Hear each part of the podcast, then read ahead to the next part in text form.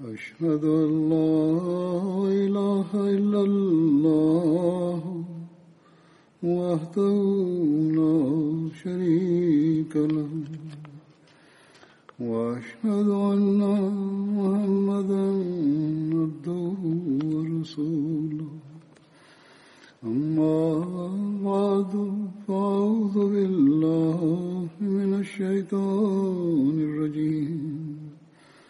بسم الله الرحمن الرحيم.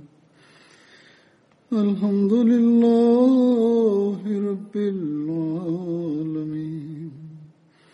الرحمن الرحيم. مالك يوم الدين. إياك نعبد وإياك نستعين اهدنا الصراط المستقيم. صراط الذين أنعمت عليهم. غير المغضوب عليهم ولا الضالين.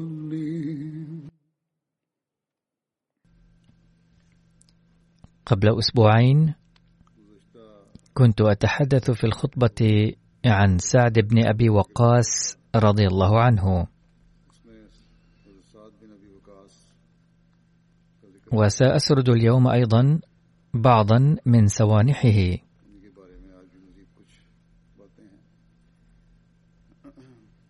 كنا في إطار الكلام عن حرب وفي أثناء الحرب شاهدت زوجته سلمى بنت حفصة أن أسيرا مصفدا بالسلال ولديه لوعة كبيرة للاشتراك في الحرب. وهو أبو محجن الثقفي الذي نفاه سيدنا عمر رضي الله عنه نتيجة شربه الخمر. وكان قد وصل هنالك. وبعد وصوله إلى هناك شرب الخمر مرة أخرى فعاقبه سعد بالجلد وصفده بالسلال. سأل أبو محجن جارية سعد اسمها زهرة أن تحل قيده ليشترك في القتال وعاهدها أن يعود إلى القيد إن سلم فحلته.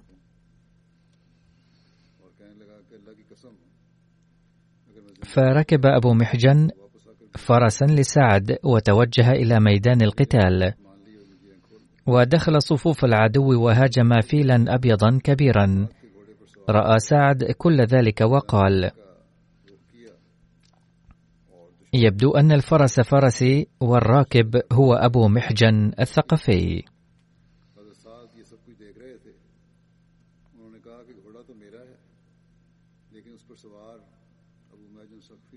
وكما سبق الذكر أن سعدا لم يشترك في الحرب المذكورة مباشرة بسبب المرض بل كان يراقب الوضع من بعيد. على أي حال طال القتال إلى ثلاثة أيام وبعد أن انتهى القتال عاد أبو محجن إلى القيد. ثم أطلق سعد سراح أبي محجن قائلا لو شربت الخمر مرة أخرى لعاقبتك عقوبة شديدة. فوعد أبو محجن ألا يشرب أبدا. وقد ذكر في مكان آخر أن سعدا كتب كل ذلك إلى سيدنا عمر رضي الله عنه فقال عمر رضي الله عنه بعدم معاقبته لو تاب من شربها في المستقبل. فحلف أبو محجن بعدم شربها مستقبلا فأطلقه سعد. لقد ذكر سيدنا المصلح الموعود رضي الله عنه تفصيل هذا الحادث علما أنه قيل من قبل أن جارية أطلقته. ولكن المصلح الموعود رضي الله عنه يقول بأن سعد بن أبي وقاص كان من أصحاب النبي صلى الله عليه وسلم الخواص وكان عمر رضي الله عنه في عهد خلافته قد عينه قائد الجيش الإسلامي لمواجهة جيش إيران. وصادف أن ظهرت بثرة على فخذه وطال أمدها. وعولجت كثيرا ولكن دون جدوى.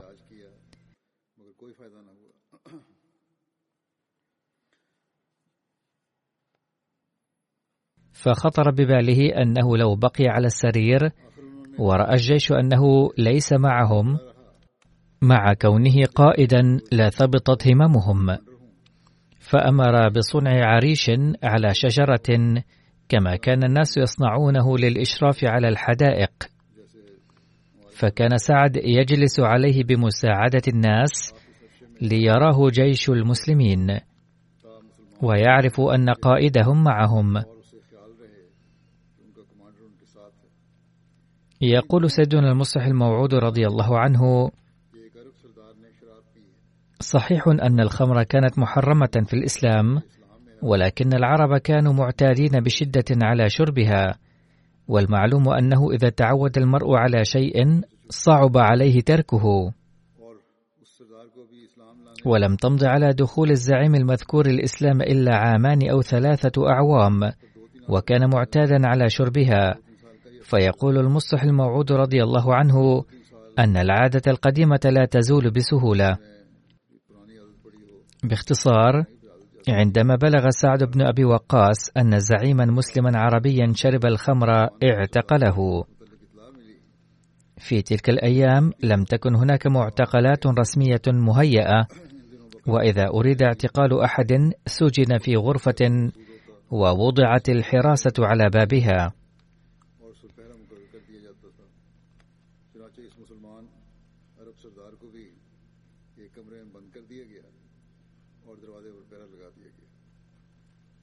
ذلك العام يعد عام المصيبة في تاريخ الإسلام لأن المسلمين واجهوا خسائر كبيرة في الحرب.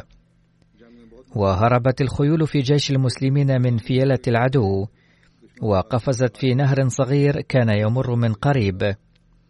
ولما كان العرب لا يعرفون السباحة فمات مئات منهم غرقا. فسمي هذا العام عام المصيبة.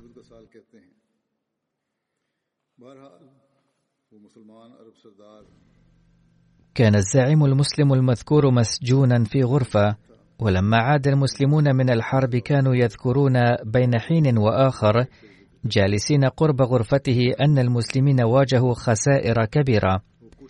فكان الزعيم يتأسف على ذلك كثيرا وكذلك على أنه لم يستطع الاشتراك في الحرب. صحيح أنه كان فيه ضعف أنه شرب الخمر. ولكنه كان شجاعا على أي حال وكان متحمسا جدا للخوض في الحرب. وبسماع ذكر خسائر المسلمين في الحرب كان يتمشى في غرفته ويردد أبياتا معناها كانت اليوم فرصة مواتية لتحمي الإسلام وتقاتل بشجاعة كبيرة. كانت زوجة سعد امرأة شجاعة وسمعت ذات يوم تلك الأبيات عند مرورها من قرب غرفته ورأت أن الغرفة غير محروسة فاقتربت من بابها وقالت مخاطبة السجين أتعلم أن سعدا سجنك؟ ولو علم أنني أطلقت سراحك لما تركني دون عقوبة غير أنني أرغب بشدة أن أطلق سراحك من السجن لتعمل للإسلام بحسب رغبتك. قال السجين لو نشبت الحرب بعد الآن أطلقيني وأعدك أنني سأعود وأدخل هذه الغرفة فورا بعد نهاية الحرب. كانت هذه السيدة أيضا تكن في قلبها مواساة للإسلام وكانت متحمسة لحمايته فأطلقته من السجن. فقاتل بشجاعة كبيرة. لدرجة أن تقدم جيش المسلمين بدلا من التقهقر بسبب شجاعته.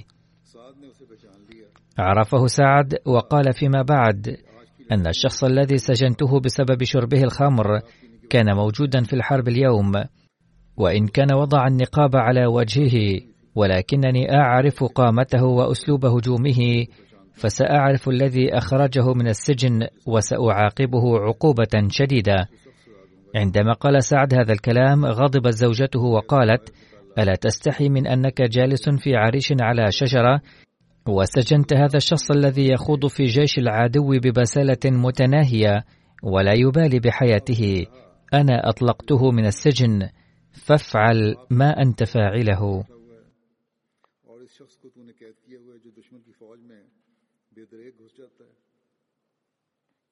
اور اپنی جان کی پرواہ نہیں کرتا۔ मैंने उस शख्स को कैद से छुड़ाया था तुम जो चाहो कर लो मैंने उसे खुलवाया था अब जो तुमने करना है कर लो أقول سرد سيدنا المصلح الموعود رضي الله عنه هذا التفصيل في خطاب إلى السيدات وقال إن النساء قمن بأعمال عظيمة في تاريخ الإسلام ثم قال رضي الله عنه يجب على النساء الأحمديات أيضا أن يجعلن تلك الأمثلة نصب أعينهن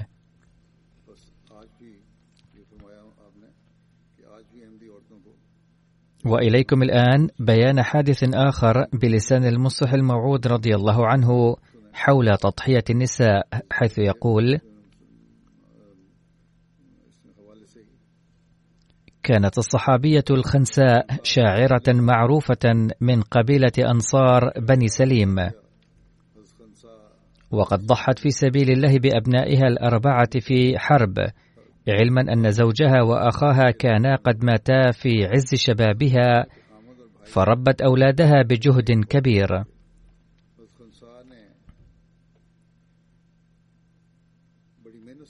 شهدت الخنساء القادسية ومعها أربعة بنين لها فقالت لهم أول الليل ما مفاده.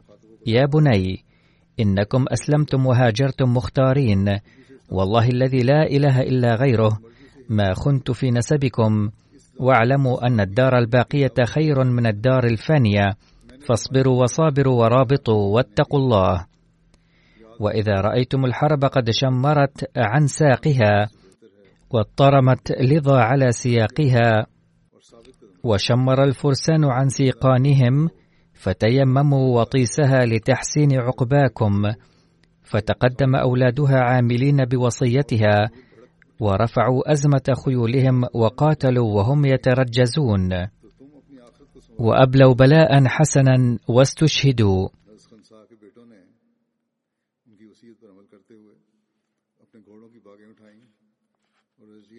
قبل حلول مساء اليوم نفسه كانت راية الإسلام ترفرف على القادسية.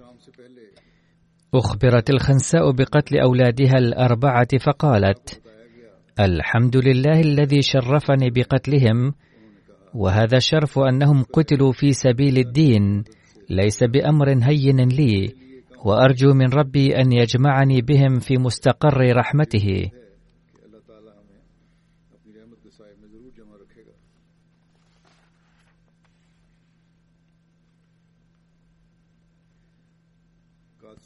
بعد فتح القادسية فتح جيش المسلمين بابل كانت بابل مدينة قديمة في العراق الحالية وقد ذكرت في القرآن الكريم أيضا في قصة هاروت وماروت وكانت تقع حين ذاك حيث تقع مدينة الكوفة حاليا.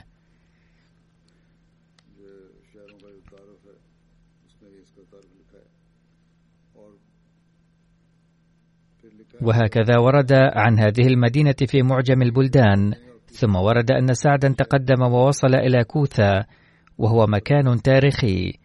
سجن النمرود فيه إبراهيم عليه السلام. وكان لا يزال هذا السجن محفوظا حتى تلك الأيام أي أيام وصول سعد إليه. فذهب سعد لزيارته وقرأ هذه الآية من القرآن الكريم. وتلك الأيام نداولها بين الناس.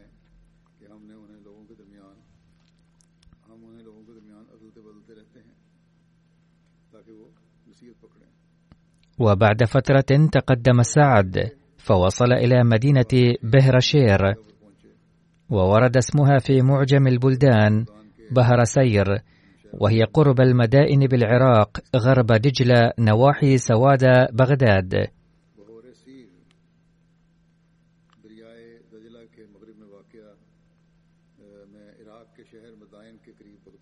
وكان لكسرى هناك أسد مستأنس.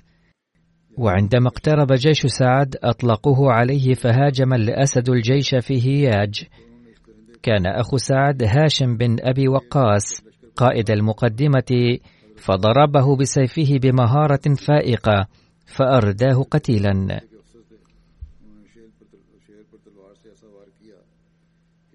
في هذه المعركة نفسها حدثت معركة المدائن أيضا. كانت المدائن عاصمة كسرى وكان بها قصوره البيضاء وكان نهر دجلة هو الحائل بين المسلمين والمدائن. لقد حطم الفرس جميع الجسور على هذا النهر فخاطب سعد الجيش وهو يقول يا إخوة الإسلام إن العدو قد اعتصم منكم بالنهر فتعالوا نعبره سابحين. قال هذا وألقى بجواده في النهر فتبعه جنوده وألقى الجميع بجيادهم في النهر مرة واحدة وعبر الجيش الإسلامي هذا النهر. فلما رأى الفرس هذا المشهد المدهش العجيب صرخوا خائفين ولاذوا بالفرار وهم يقولون جاء الجان جاء الجان. تقدم المسلمون فسيطروا على المدائن وعلى قصور كسرى. وهكذا تحققت نبوءة النبي صلى الله عليه وسلم. التي تنبأ بها في غزوة الأحزاب عند كسره صخرة بالمعول أثناء حفر الخندق وقال بأنه أضيئت له قصور المدائن البيضاء وهي تتهدم. فلما رأى سعد هذه القصور خاوية قرأ الآيات التالية من سورة الدخان. كم تركوا من جنات وعيون وزروع ومقام كريم ونعمة كانوا فيها فاكهين كذلك وأورثناها قوما آخرين.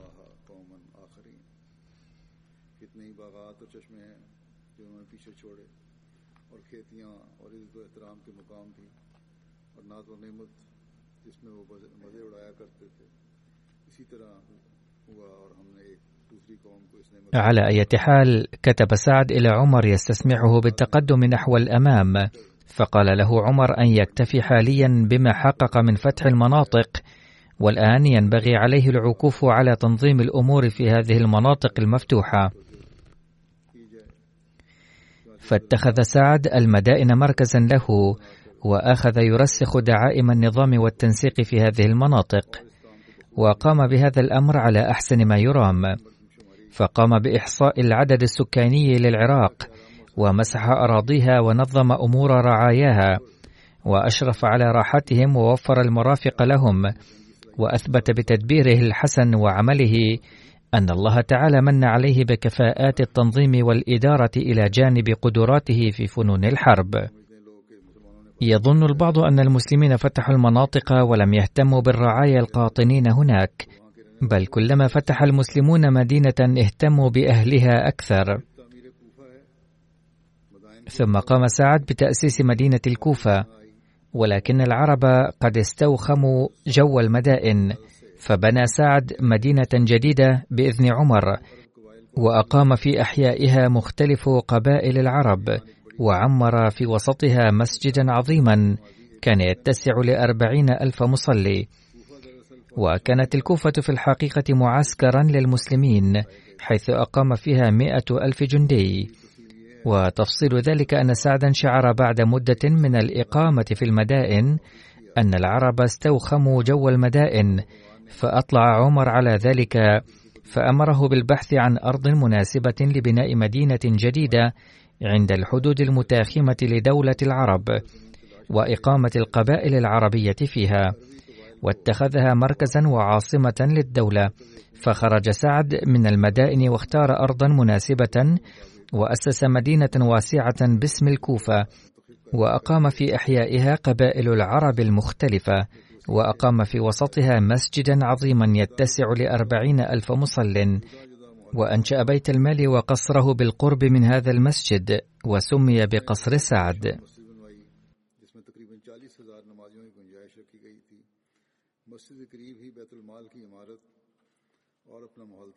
ثم حدثت معركة نهاوند في العام الواحد والعشرين للهجرة. لقد بدأ الفرس إعداداتهم الحربية ضد المسلمين في عجم العراق أي في تلك المناطق من العراق التي كانت تحت سيطرة الفرس وذلك لاستعادة المناطق المفتوحة من المسلمين. وتجمع في نهاوند أعداد كبيرة من الفرس وصلت أعدادهم إلى 150 ألف جندي. أطلع سعد عمر على ذلك فعين باستشارة أصحاب الرأي أحد العراقيين النعمان بن مقرن المزني قائدا لجيوش المسلمين. وكان النعمان يومئذ بموضع من العراق يقال له كسكر وهي منطقة من نهروان إلى نهر دجلة على مقربة من البصرة. وكانت تحتوي على عشرات من القرى والبلدات. على أي حال أمره عمر بالوصول إلى نهاوند. كان عدد جيش المسلمين ثلاثين ألف مقاتل مقابل مئة وخمسين ألفا من جنود الفرس. تفقد النعمان صفوف الجيش الإسلامي وأعطاهم تعليمات ثم قال إن قتلت فحذيفة يكون قائدا للجيش وإن قتل فسيكون فلان. وهكذا سمى سبعة رجال. وبعد ذلك دعا الله تعالى قائلا اللهم عز دينك وانصر عبادك واجعل النعمان أول شهيد اليوم.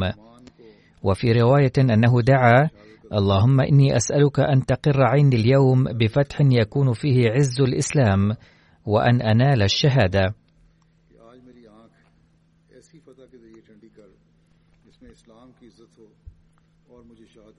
بدأت المعركة وقاتل المسلمون بشجاعة لدرجة أنهم انتصروا قبل غروب الشمس.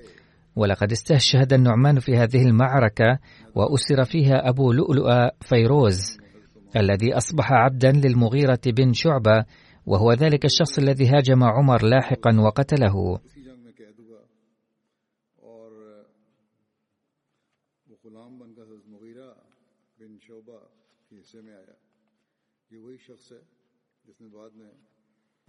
لقد كتب عمر إلى أمير نهاوند. إذا فتح الله تعالى على المسلمين فخذ الخمس من الغنائم لبيت المال ثم وزع بقية الأموال على المسلمين. وإن هلك هذا الجيش فلا حرج لأنه في هذه الحالة إن بطن الأرض يعني القبر خير من ظهرها. في عهد عمر رضي الله عنه اعترض مرة بنو أسد على صلاة سعد وشكوه إلى عمر رضي الله عنه بأنه لا يحسن الصلاة. فأرسل عمر محمد بن مسلمة للتحقيق وبعد أن حقق علم أن الشكوى كانت باطلة. مع ذلك دعا عمر رضي الله عنه ساعدا لبعض المصالح ليعود إلى المدينة. ورد تفصيل ذلك في إحدى روايات صحيح البخاري وهي كالتالي عن جابر بن سمرة قال شكى أهل الكوفة سعدا إلى عمر رضي الله عنه فعزله واستعمل عليهم عمارا فشكوا أي سعدا حتى ذكروا أنه لا يحسن يصلي فأرسل إليه فقال يا أبا إسحاق وهي كنية سعد إن هؤلاء يزعمون أنك لا تحسن تصلي. قال أبو إسحاق أما أنا والله فإني كنت أصلي بهم صلاة رسول الله صلى الله عليه وسلم. ما أخرم عنها. أصلي صلاة العشاء فأركض في الأوليين وأخفف في الأخريين. قال عمر ذلك الظن بك يا أبا إسحاق. فأرسل معه رجلا أو رجالا إلى الكوفة فسأل عنه أهل الكوفة ولم يدع مسجدا إلا سأل عنه ويثنون معروفا. حتى دخل مسجدا لبني عبس فقام رجل منهم يقال له أسامة بن قتادة يكنى أبا سعدة قال أما إذ نشدتنا فإن سعدا كان لا يسير بالسرية ولا يقسم بالسوية. ولا يعدل في القضية. ألصق بسعد هذه الاتهامات.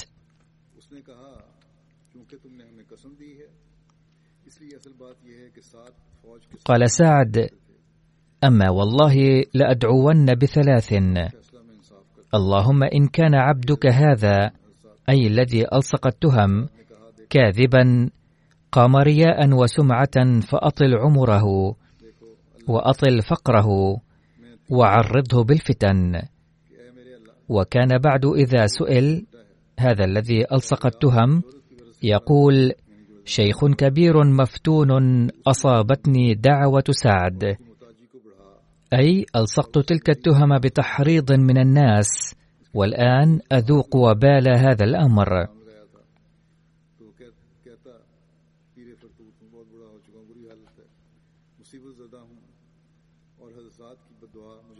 قال عبد الملك فأنا رأيته بعد قد سقط حاجباه على عينيه من الكبر وإنه لسوء حالته الأخلاقية ليتعرض للجوار في الطرق يغمزهن.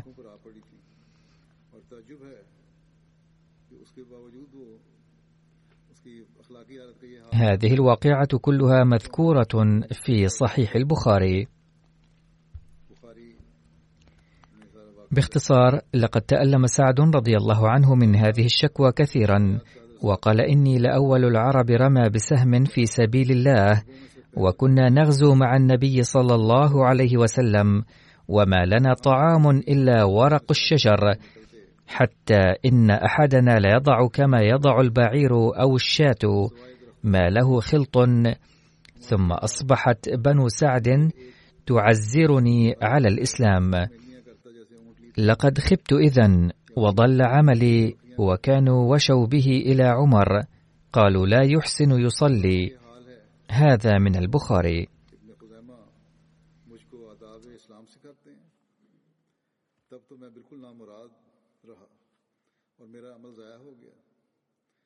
بنو اسد کے لوگوں نے حضرت عمر کے پاس چغلی کھائی تھی اور کہا تھا کہ وہ اچھی طرح نماز نہیں پڑھتا۔ في العام الثالث والعشرين للهجرة حين تعرض سيدنا عمر رضي الله عنه للهجوم طلب منه الناس أن يجعل أحدا خليفة بعده فشكل لانتخاب الخليفة لجنة تضم سيدنا عثمان وسيدنا عليا وسيدنا عبد الرحمن بن عوف وسيدنا سعد بن أبي وقاص وسيدنا الزبير بن العوام وسيدنا طلحة بن عبيد الله رضوان الله عليهم. وقال يمكن أن ينتخبوا أحدهم خليفة. ثم قال إذا انتخب سعد بن أبي وقاص خليفة فجيد. وإلا فأي غيره انتخب فليستعن بسعد دوما لأنني لم أعزله لعدم قدرته على عمل ما ولا لارتكابه أي خيانة.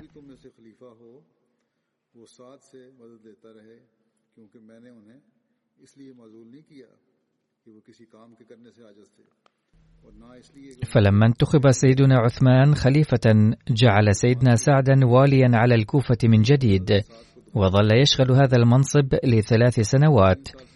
ثم حين اختلف مع سيدنا عبد الله بن مسعود رضي الله عنه الذي كان مسؤولا عن بيت المال عزل سيدنا عثمان سعدا. وبعد عزله من منصبه اعتزل في المدينة ثم حين بدأت الفتن ضد سيدنا عثمان رضي الله عنه ظل في عزلة.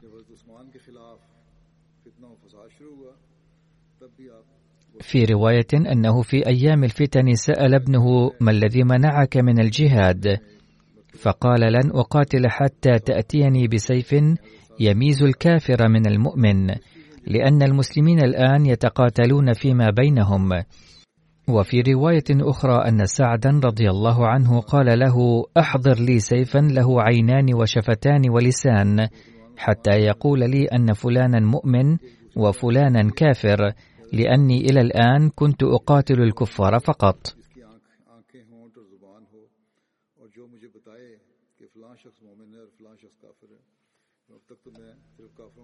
وفي سنن الترمذي رواية أن سعد بن أبي وقاص قال عند فتنة عثمان بن عفان: أشهد أن رسول الله صلى الله عليه وسلم قال: إنها ستكون فتنة القاعد فيها خير من القائم، والقائم خير من الماشي، والماشي خير من الساعي. قال: أفرأيت إن دخل علي بيتي وبسط يده إلي ليقتلني؟ قال كن كابن آدم. أي كما ورد في القرآن الكريم ذكر ابن آدم أن عليه أن يدافع عن نفسه ولا يتقاتل بنية القتل. ويبدو أنه قدم مثال قصة ابني آدم المذكورة في القرآن الكريم.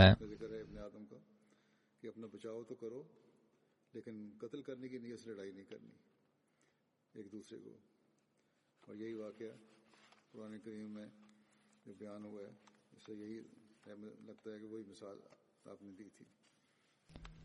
يقول سيدنا المصلح الموعود رضي الله عنه بيانا للمساعي الجميلة للصحابة لقمع الفتن التي بدأت في عهد سيدنا عثمان رضي الله عنه. صحيح أنه لم يكن يسمح للصحابة بالإجتماع عند سيدنا عثمان رضي الله عنه. لكنهم مع ذلك لم يغفلوا عن واجبهم. وبمقتضى الوضع كانوا قد وزعوا عملهم في جزئين.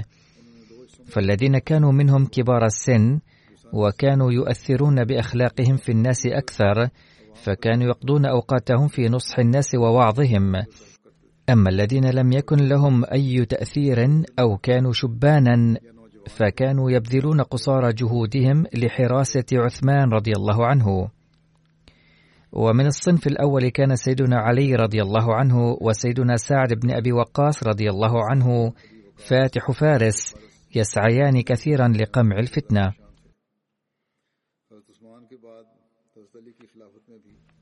بعد وفاة سيدنا عثمان رضي الله عنه ظل سيدنا سعد رضي الله عنه معتزلا في خلافة علي رضي الله عنه أيضا. وفي رواية أنه حين استفحل الخلاف بين سيدنا علي والأمير معاوية كتب معاوية إلى ثلاثة من الصحابة هم عبد الله بن عمر وسعد بن أبي وقاص ومحمد بن مسلمة لنجدته وطلب منهم أن يعينوه على علي رضي الله عنه فرفضوا كلهم وكتب إليه سعد أبيات شعر.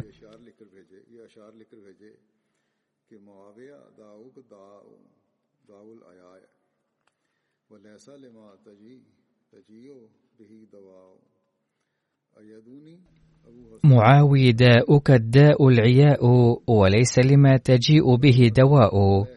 أيدعوني أبو حسن علي فلم أردد عليه ما يشاء. وقلت له أعطني سيفا بصيرا يميز به العداوة والولاء.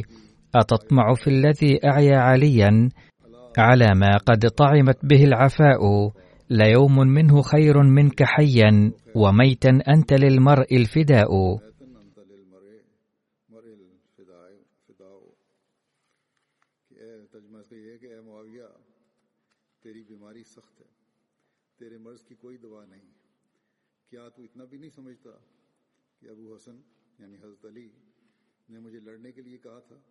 مگر میں نے ان کی بات بھی نہیں مانی اور میں نے ان سے کہا کہ مجھے ایسی تلوار دے دیں جو بصیرت رکھتی ہو اور مجھے دشمن اور دوست سے میں فرق کر کے بتا دے اے معاویہ کیا تو امید رکھتا ہے کہ جس نے لڑائی کرنے کے لیے حضرت علی کی بات نہ مانی ہو وہ تیری بات مان لے گا حالانکہ حضرت علی کی زندگی کا ایک دن تیری ساری زندگی اور موت سے بہتر ہے اور تو ایسے شخص کے خلاف مجھے هذا ورد في أسد الغابة. وفي رواية أن الأمير معاوية سأل سعدا فقال ما يمنعك أن تسب أبا تراب. قال أما ما ذكرت. ثلاثا قالهن رسول الله صلى الله عليه وسلم فلن أسبه. لأن يكون لي واحدة منهن أحب إلي من حمر النعم. فلن أسبه ولن أسيء إليه أبدا بسبب هذه الثلاثة.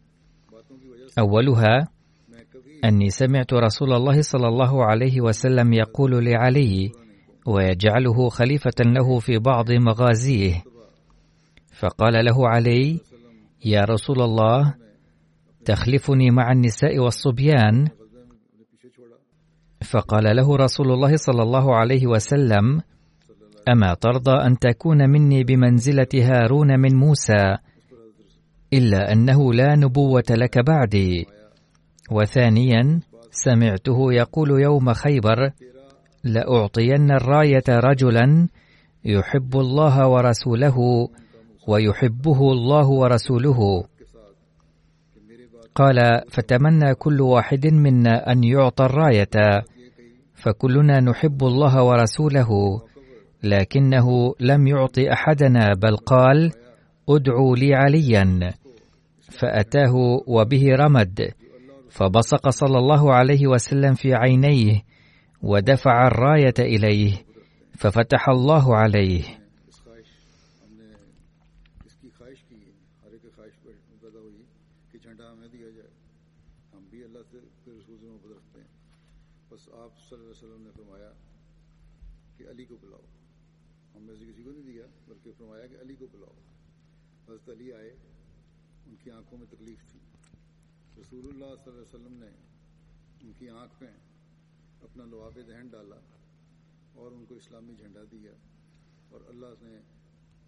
وثالثا قال حين أنزلت هذه الآية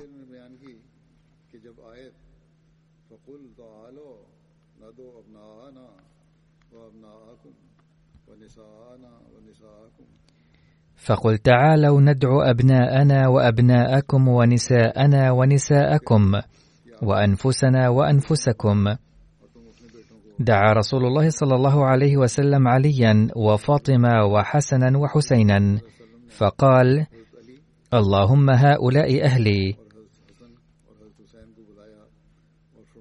هذا من الترمذي. عن مصعب بن سعد قال كان رأس أبي في حجري وهو يقضي. قال فدمعت عيناي فنظر إلي فقال ما يبكيك يا بني؟ فقلت لمكانك وما أرى بك؟ قال فلا تبك علي فإن الله لا يعذبني أبدا وإني من أهل الجنة.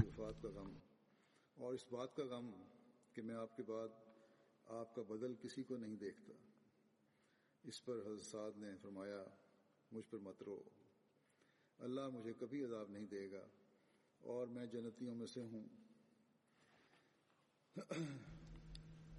بعض الناس يعترضون أن فلانا قال وكيف يمكن أن يعد الإنسان من أهل الجنة؟ ونرى أن سعدا رضي الله عنه يقول إني من أهل الجنة. إن الله يدين المؤمنين بحسناتهم ما عملوا لله. أما الكفار فيخفف عنهم بحسناتهم فإذا نفذت عذبهم من جديد. ليطلب كل عامل ثواب عمله ممن عمل له.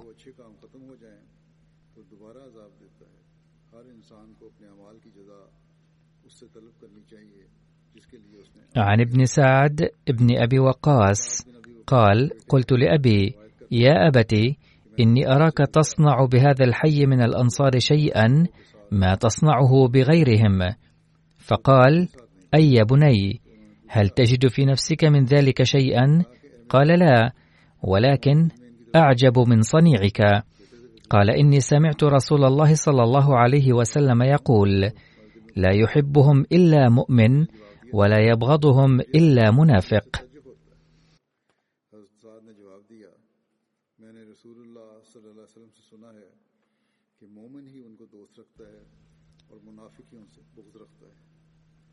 عن جرير أنه مر بعمر رضي الله عنه فسأله عن سعد بن أبي وقاص رضي الله عنه فقال له كيف تركت سعدا في ولايته؟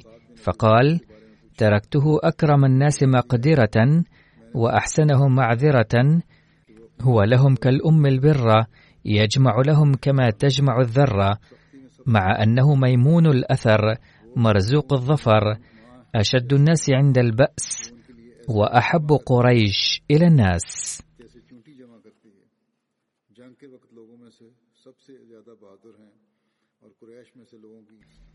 توفي سعد بن أبي وقاص رضي الله عنه سنة الخامسة والخمسين للهجرة عن عمر يناهز سبعا وسبعين سنة وقيل أربعا وسبعون وقال البعض الآخر ثلاث وسبعون واختلفوا في سنة وفاته أيضا وفي روايات مختلفة وردت سنة وفاته من الواحد والخمسين إلى الثامن والخمسين.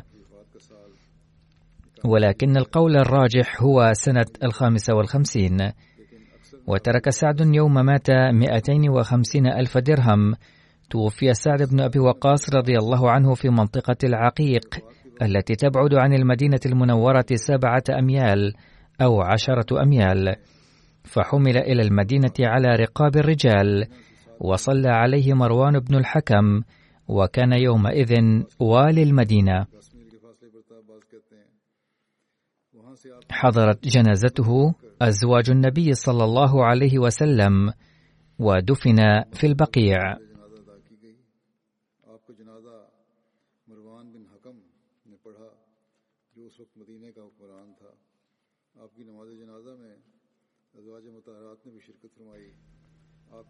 وهناك رواية عن جنازة سعد بن أبي وقاص رضي الله عنه.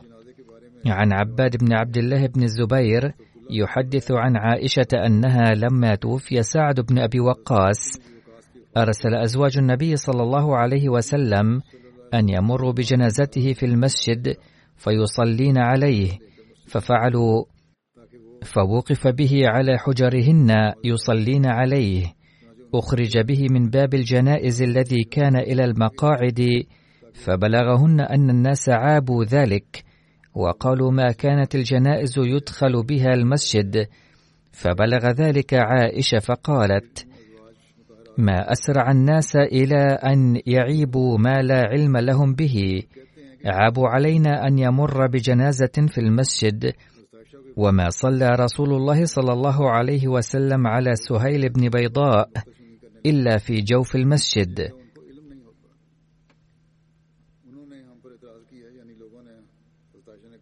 هذه الرواية من صحيح مسلم.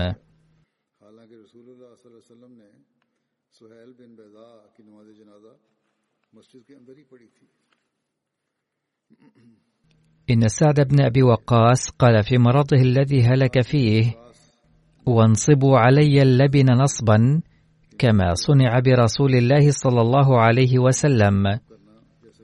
هذه الرواية أيضا من صحيح مسلم. كان سعد بن أبي وقاص آخر المهاجرين الذكور وفاة. عندما حضرت سعد بن أبي وقاص رضي الله عنه المنية أوصى بأن يكفن بجبة من صوف وقال لقيت المشركين فيها يوم بدر وإنما خبأتها لهذا اليوم.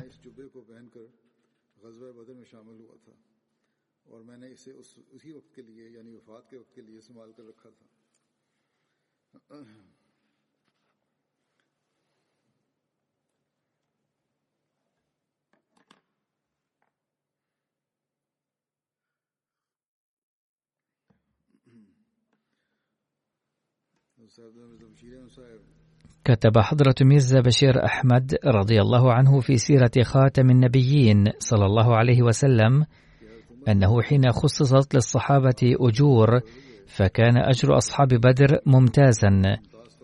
وكان أصحاب بدر أيضا يعتزون بحضورهم يوم بدر. فكتب المستشرق ويليام موير أيضا كان أصحاب بدر يعدون أعظم أعضاء المجتمع. قال سعد بن أبي وقاص رضي الله عنه عند موته في الثمانين من عمره أحضروا جبتي التي لبستها يوم بدر والتي احتفظت بها لهذا اليوم. كان سعد في عنفوان شبابه يوم بدر وعلى يده فتحت إيران فيما بعد وهو الذي عمر مدينة الكوفة وتولى إمارة العراق. ولكن في نظره كان كل هذا العز والشرف حقيرا مقابل شهوده يوم بدر. وكان يحسب لباسه الذي ارتداه يوم بدر أعظم من أي لباس آخر. ولم تكن أمنيته الأخيرة إلا أن ينزل في القبر وهو في هذا اللباس. قد مرت رواية أنه كان قد بنى قصرا.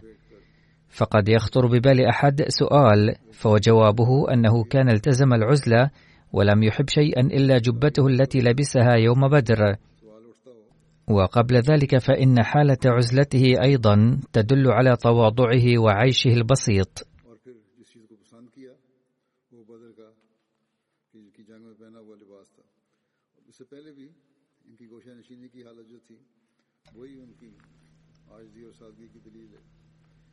قال سعد كان عندي بنت واحدة حين شهدت بدرا ويتبين من روايات أخرى أن يوم حجة الوداع أيضا كانت له بنت واحدة فقط. ثم أنزل الله تعالى عليه أفضالا كثيرة حيث قال ثم كثر أولادي. تزوج سعد تسع زوجات في أوقات مختلفة ورزقه الله تعالى منهن أربع وثلاثين ولدا منهم سبعة عشر من الذكور وسبعة عشر من الإناث. والآن انتهى ذكر سعد بن أبي وقاص رضي الله عنه وسأذكر بعده صحابيا آخر إن شاء الله. واليوم سوف أصلي الغائب على بعض المرحومين. أولهم السيد صفدر علي جوجر الذي كان يخدم في قسم الضيافة بمسجد فضل متطوعا.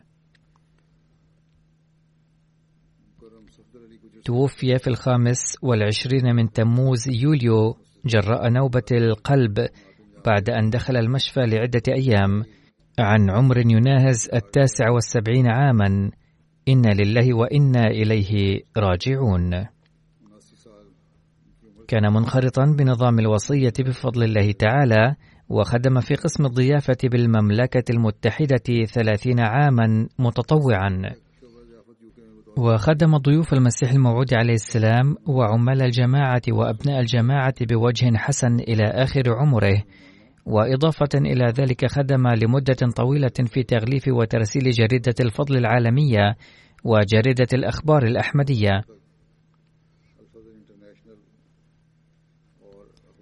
ظلت قضية لجوئه هنا معلقة لمدة طويلة ولما حلت لصالحه وجاءت عائلته إلى المملكة المتحدة كان يشكر الله على ذلك كثيرا دون أن يشتكي قط أنه قد اضطر للعيش وحده هذه المدة الطويلة.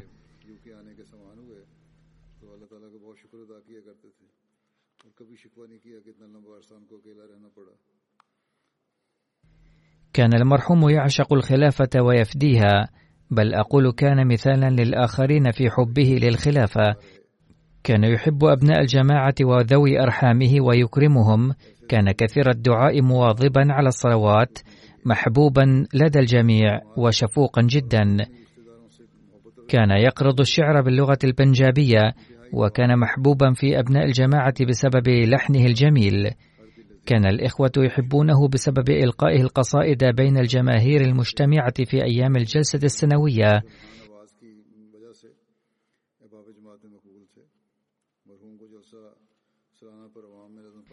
كان المرحوم من هند ججر وهو فرع شهير لجماعتنا في باكستان. خلف المرحوم أرملته وأربعة أبناء وبنتين. لقد كتب السيد عطاء المجيب راشد كان المرحوم صفطر علي ذات طبع بسيط جدا ومخلصا. يخدم الجماعة بمنتهى الإخلاص والجهد. كان يتميز بثلاث خصائص زادتني حبا له. أولها أنه كان كثير الشكر لله تعالى ورغم أن دخله كان محدودا إلا أنه كان يحمد الله تعالى ويشكره عند كل صغيرة وكبيرة. وخصوصيته الثانية أن قلبه كان عامرا بحب الخليفة والخلافة إلى آخر الحدود. لا أتذكر أني قابلته ولو لوقت قصير إلا وعبر عن حبه الشديد للخلافة. وخصوصيته الثالثة أنه كان يقوم بخدمة الدين بصدق القلب. وكان يعدها شرفا له وبركة. وكتبت ابنة المرحوم السيد تحسين المحترمة عمل أبونا على راحة الآخرين في كل لحظة من حياته وكان إذا وجد أحدا من معارفه أو الذين يعملون في المسجد واقعا في مشكلة طلب منا أهل بيته الدعاء له بذكر اسمه. كان يشكر الله تعالى في كل حال وكان يحسن إلى الآخرين ويشكرهم على ذلك. بأنهم قد أتاحوا له الفرصة لفعل هذا الخير. وتقول ابنته أيضا كان والدي يقول لي ولأختي إن من أسباب حبي لكما أن النبي صلى الله عليه وسلم قال من أكرم بناته كان معي في الجنة لقد عاملنا أبونا بمنتهى الحب والإكرام والإحترام. وتقول السيدة رضية البنت الأخرى للمرحوم كان والدنا يوصينا دائما بطاعة الخلافة وحبها وكان بنفسه قدوة عظيمة للآخرين في حب الخلافة. وتقول أيضا كل من جاءنا للعزاء عند وفاته قال يبدو أنه كان يحبنا أكثر من غيرنا والحق أن المرحوم كان يحب الجميع. كنا نظن أنه يحسن فقط إلى الذين يقيمون في جوار المسجد لكن كل من جاءنا للعزاء قال إن المرحوم كان كفرد من عائلتنا. كان يساعد المقيمين في أماكن بعيدة ويؤدي حق العلاقة بهم. الحق أن محبته وخدمته المخلصة هي التي جعلت الناس يعبرون عن حبهم له على هذا النحو. لقد كتب لي الكثيرون عن المرحوم وكل رسالة تدل على أن المرحوم كان يكن للجميع حبا وإخلاصا عجيبين. قليل هم الذين يحظون بالشعبية لدى الجميع من كل شريحة من الناس كما حظي بها المرحوم. وقد كتب كل واحد أن محور حديث المرحوم كان الخلافة والتعلق بها دائما. أسكن الله المرحوم بجوار أحبته تعالى وأورث أولاده محاسنه وأدعيته وشفى أرملته وألهمها الصبر والسلوان. علما أن زوجته مريضة منذ فترة طويلة وقد خدمها بمنتهى الحب والإخلاص. مع قيامه بكل واجباته وفرائضه الأخرى حيث كان يختم في دار الضيافة بعاطفة الخدمة التي لا يتمتع بها كثير من الواقفين لحياتهم أيضا. بالإضافة إلى ذلك أدى واجباته في البيت أيضا. كان يختم الجيران الإنجليز أيضا رغم أنه كان لا يعرف الإنجليزية كان على علاقة طيبة معهم وقد أثنوا عليه كثيرا. رفع الله درجات المرحوم.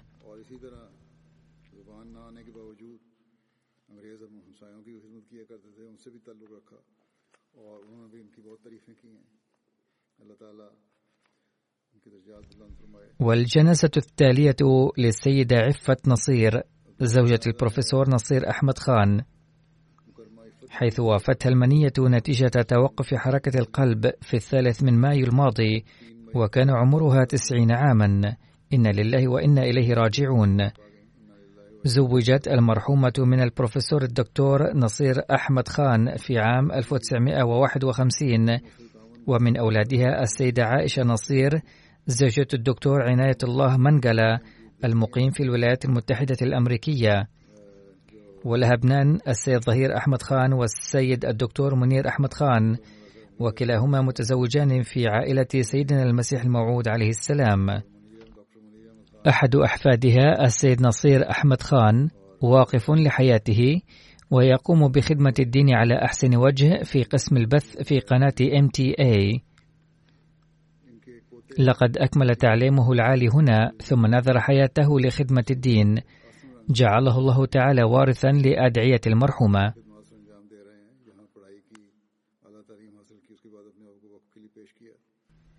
كتب ابن المرحومة كنا ننام مع الوالدة عندما كنا صغارا وكنا نستيقظ كثيرا في الليل لنجدها تدعو في صلاة التهجد باكية.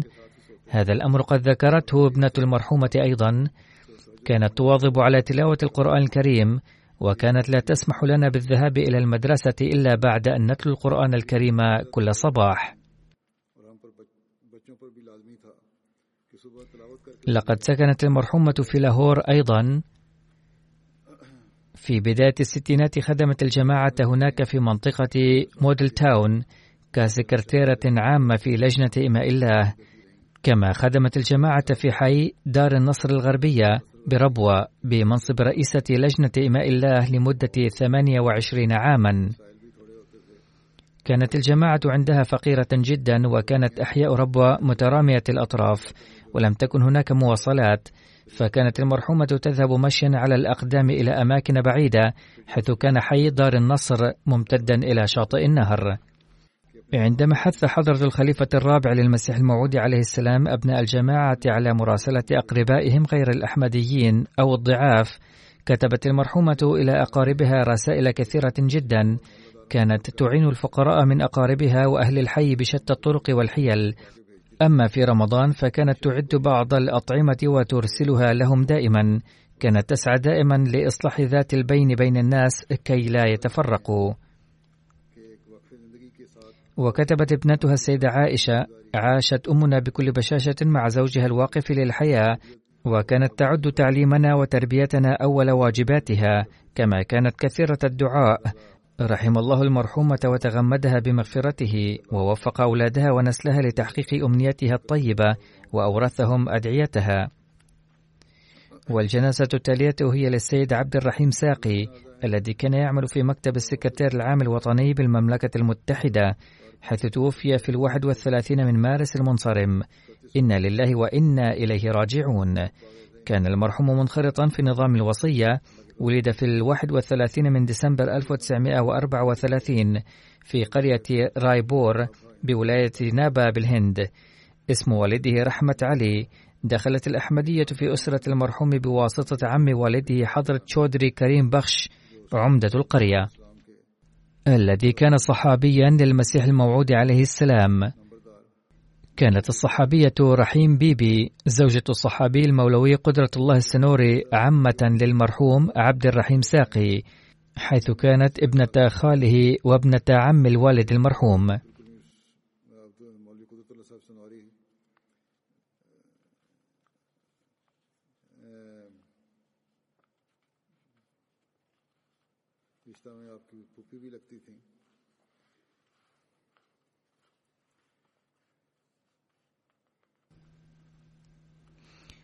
وفق الله المرحوم لخدمة الجماعة عشرة أعوام من عام 1958 إلى 1968 بصفته سكرتير المال وقائد مجلس خدام الأحمدية بقرية تخت هزارة حيث هاجر إليها وأقام بها بعد انقسام الهند.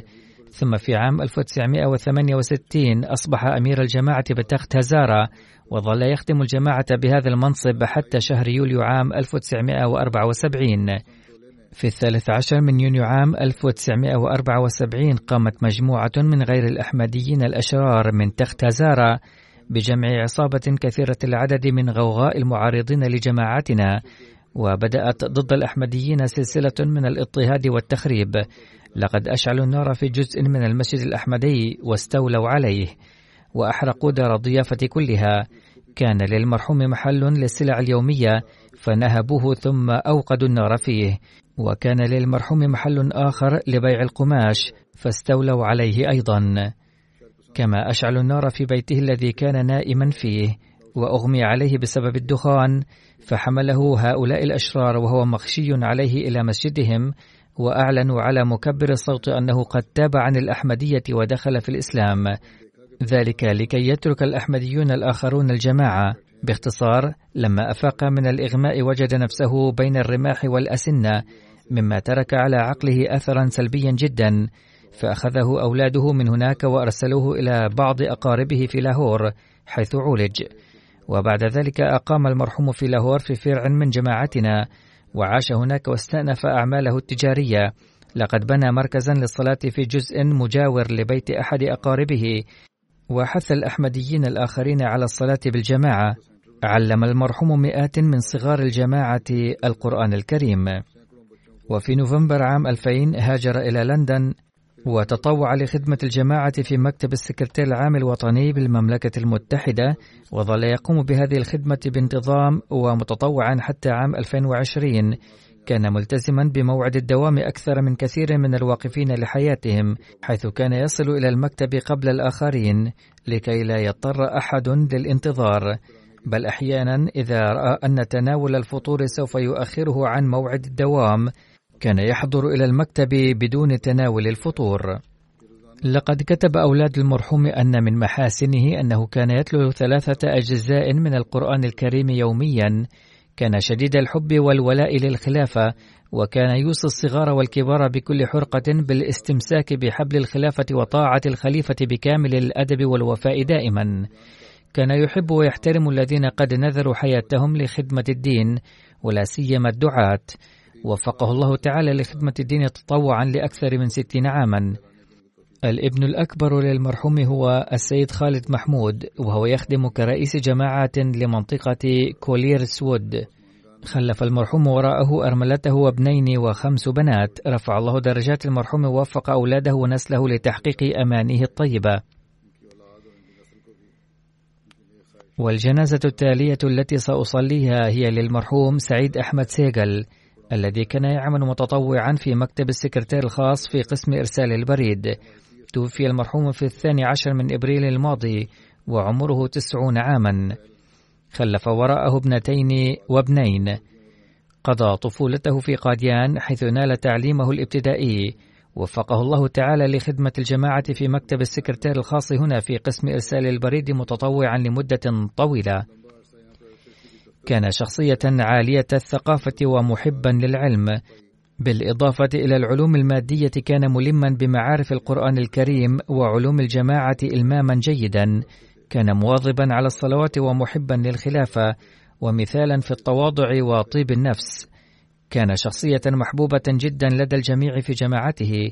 لقد رأيت أنه كلما قابلني قابلني بمنتهى التواضع وكان يود بكل حرقة أن تكون لأولاده أيضا مثل هذه العلاقة مع الجماعة. وكتب السيد أسلم خالد كان المرحوم ذا طبع علمي خاص وكان يتناول شتى الموضوعات باستفاضة عند حديثنا معا وقت تناول الغداء وكان يتمتع بمعلومات عميقة عن المسيحية واليهودية خاصة. وكتب السيد بشير الذي يعمل في مكتبي ظل يسعى حتى في أواخر عمره لخدمة الجماعة ذات مرة جاء إلى المسجد لعمل ما فأصابه الدوار وسقط على الأرض وأصيب ومع أنه كان يأتي من مسافة بعيدة مشيا على الأقدام إلا أنه كان يحضر المكتب حتما لكي لا تفوته فرصة لخدمة الجماعة. لقد باع بيته الكبير واشترى شقة بالقرب من المسجد من أجل السهولة ذهابا وإيابا. تغمد الله المرحوم بالمغفرة والرحمة واستجاب لأدعيته في حق أولاده أيضا.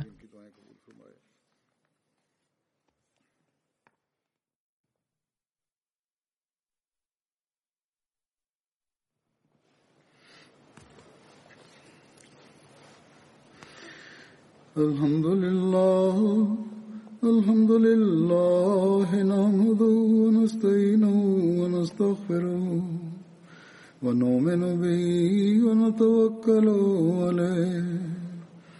ونعوذ بالله من شرور أنفسنا ومن سيئات أعمالنا. من يهده الله فلا مضل له ومن يضلل فلا هادي له. ونشهد أن لا إله إلا الله. ونشهد أن محمدا عبده ورسوله. عباد الله رحمكم الله.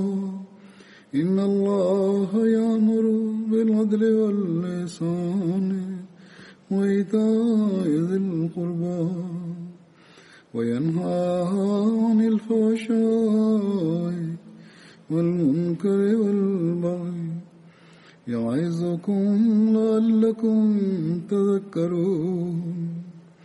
اذكروا الله يذكركم وادعوه يستجب لكم ولذكر الله أكبر.